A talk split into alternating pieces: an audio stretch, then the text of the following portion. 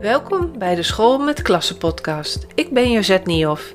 In deze podcast hoor je hoe je jouw school zo op de kaart zet dat ouders je school goed weten te vinden en jij dus meer nieuwe leerlingen in de groepen krijgt. Ik inspireer je iedere twee weken door het delen van tips en tricks en het houden van interviews. Geen beproefde of bijzondere manier blijft onbesproken. Je ziet dat het kan en hoe het kan in beperkte tijd. Veel luisterplezier! Zo zorg je ervoor dat je communicatiemiddelen duidelijk en consequent zijn. Ik werk heel veel voor basisscholen en word gevraagd om de communicatiemiddelen te ontwikkelen of te verbeteren. Wat ik heel vaak tegenkom is dat de folder net iets anders vertelt of laat zien dan bijvoorbeeld de website of de schoolgids. Vooral het gevoel en de uitstraling zijn dan anders. Dat is een gemiste kans. Ik leg je in deze aflevering van mijn podcastserie uit waarom. Wat belangrijk is, is herkenning. En herkenning creëer je alleen door herhaling. Zeker nu iedereen zoveel impulsen en informatie krijgt op een dag, is herhaling belangrijk. Ouders van jonge kinderen moeten direct weten dat ze met dezelfde school te maken hebben. Dat is de reden dat ik er samen met mijn teamleden voor zorg dat de uitstraling van de communicatiemiddelen die we maken altijd heel herkenbaar is. Het is overduidelijk dezelfde school die die folder, kalender, schoolgids of website heeft uitgebracht. Maar hoe zorg je er nou voor dat je consequent bent? Ik zal je dat per aspect van een communicatiemiddel uitleggen. Want een communicatiemiddel bestaat uit drie aspecten. De eerste is de huisstijl. Sluit aan bij iets dat er voor meer jaren is, dus bijvoorbeeld de website. Pas de huisstijl toe op folders of kalenders, zoals die ook in de website wordt toegepast. Natuurlijk is een huisstijl meer dan alleen het plaatsen van een logo. Het is de hele opmaak van het communicatiemiddel, dus het lettertype, de puntsgrootte van de tekst en de kopjes, de kleuren en de foto's. Wanneer je dat kunt afstemmen op elkaar, sluit het communicatiemiddel qua huisstijl alweer beter aan bij de rest. Het tweede aspect is de tekst. Ook die moet aansluiten op het aanspreken van mensen, de zogenaamde tone of voice, bij de rest van je communicatiemiddelen. Maak hiervoor bepaalde keuzes. Spreek je ouders aan met je, jij of u, uw? Spreek je over ouders of oudersverzorgers? Is je toon formeel en wat afstandelijk of juist heel warm en vriendelijk? Deze keuzes moeten natuurlijk wel goed bij je team en de school passen, want anders is het juist vervreemdend. Een klant van mij wilde bijvoorbeeld op de website de aanspreekvorm in je-jij veranderen, terwijl ze dat in de school niet zo hanteerde. Dat voelde eigenlijk heel vreemd en het is toch weer aangepast naar u-uw. Het laatste aspect zijn de foto's.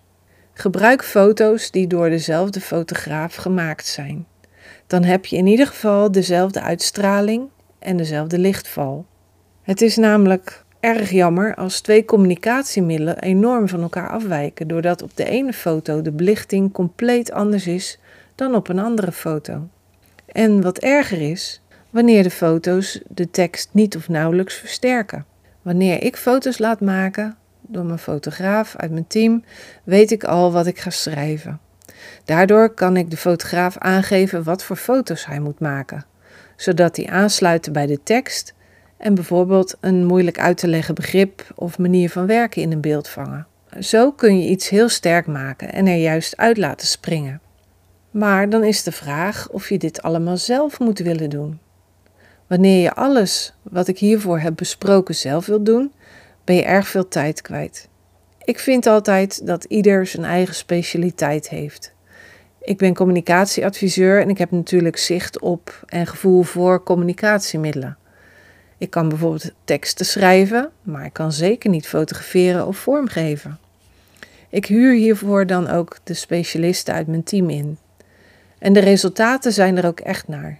Iedere keer verrassen ze me weer met een mooi vormgegeven uiting voor een school waarbij iedere school zijn eigen sfeer en gevoel heeft. Specialisten zien nu eenmaal mogelijkheden en oplossingen waar je zelf niet op komt. Daar word je zeker wijzer van, Want je kunt veel beter aan de slag met middelen die je school heel sterk en heel goed neerzetten.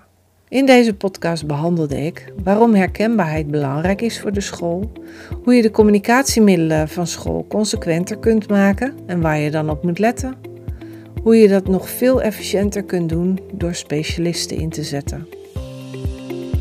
Heel erg leuk dat je luisterde naar deze podcast. Voordat ik afsluit heb ik nog een paar belangrijke dingen.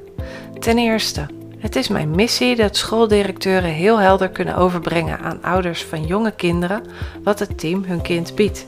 Daarom help ik zoveel mogelijk scholen met het ontdekken van hun sterke onderscheidende punten. Deze podcast levert hier een belangrijke bijdrage aan. Wil je alle podcasts overzichtelijk onder elkaar ontvangen? Abonneer je dan hierop. Klik in je podcast-app op de button subscribe of abonneren. Je ontvangt dan iedere keer een berichtje als er een nieuwe podcast is verschenen. Ten tweede, vind je deze podcast interessant en ken je een collega voor wie dit ook interessant is? Dan zou het geweldig zijn als je hem of haar de podcastaflevering doorstuurt. Bijvoorbeeld door de link te kopiëren via de drie puntjes in Spotify of je eigen podcast-app. Ten derde, ja, ik weet het. Heel veel mensen met een podcast vragen hierom. Maar het helpt me wel om meer schooldirecteuren te bereiken en dus te helpen. Dus wil je een review voor me achterlaten via je podcast-app, bijvoorbeeld op Spotify? Ik vind het heel leuk om berichtjes te ontvangen van mijn luisteraars. Ik wil graag weten wat je van de podcast vindt, of je vragen hebt of een bepaald inzicht hebt gekregen. Stuur je berichtje via mail op jozet.jozet.nl of stuur me een connectieverzoek op LinkedIn. Nogmaals bedankt voor het luisteren en heel graag tot de volgende aflevering.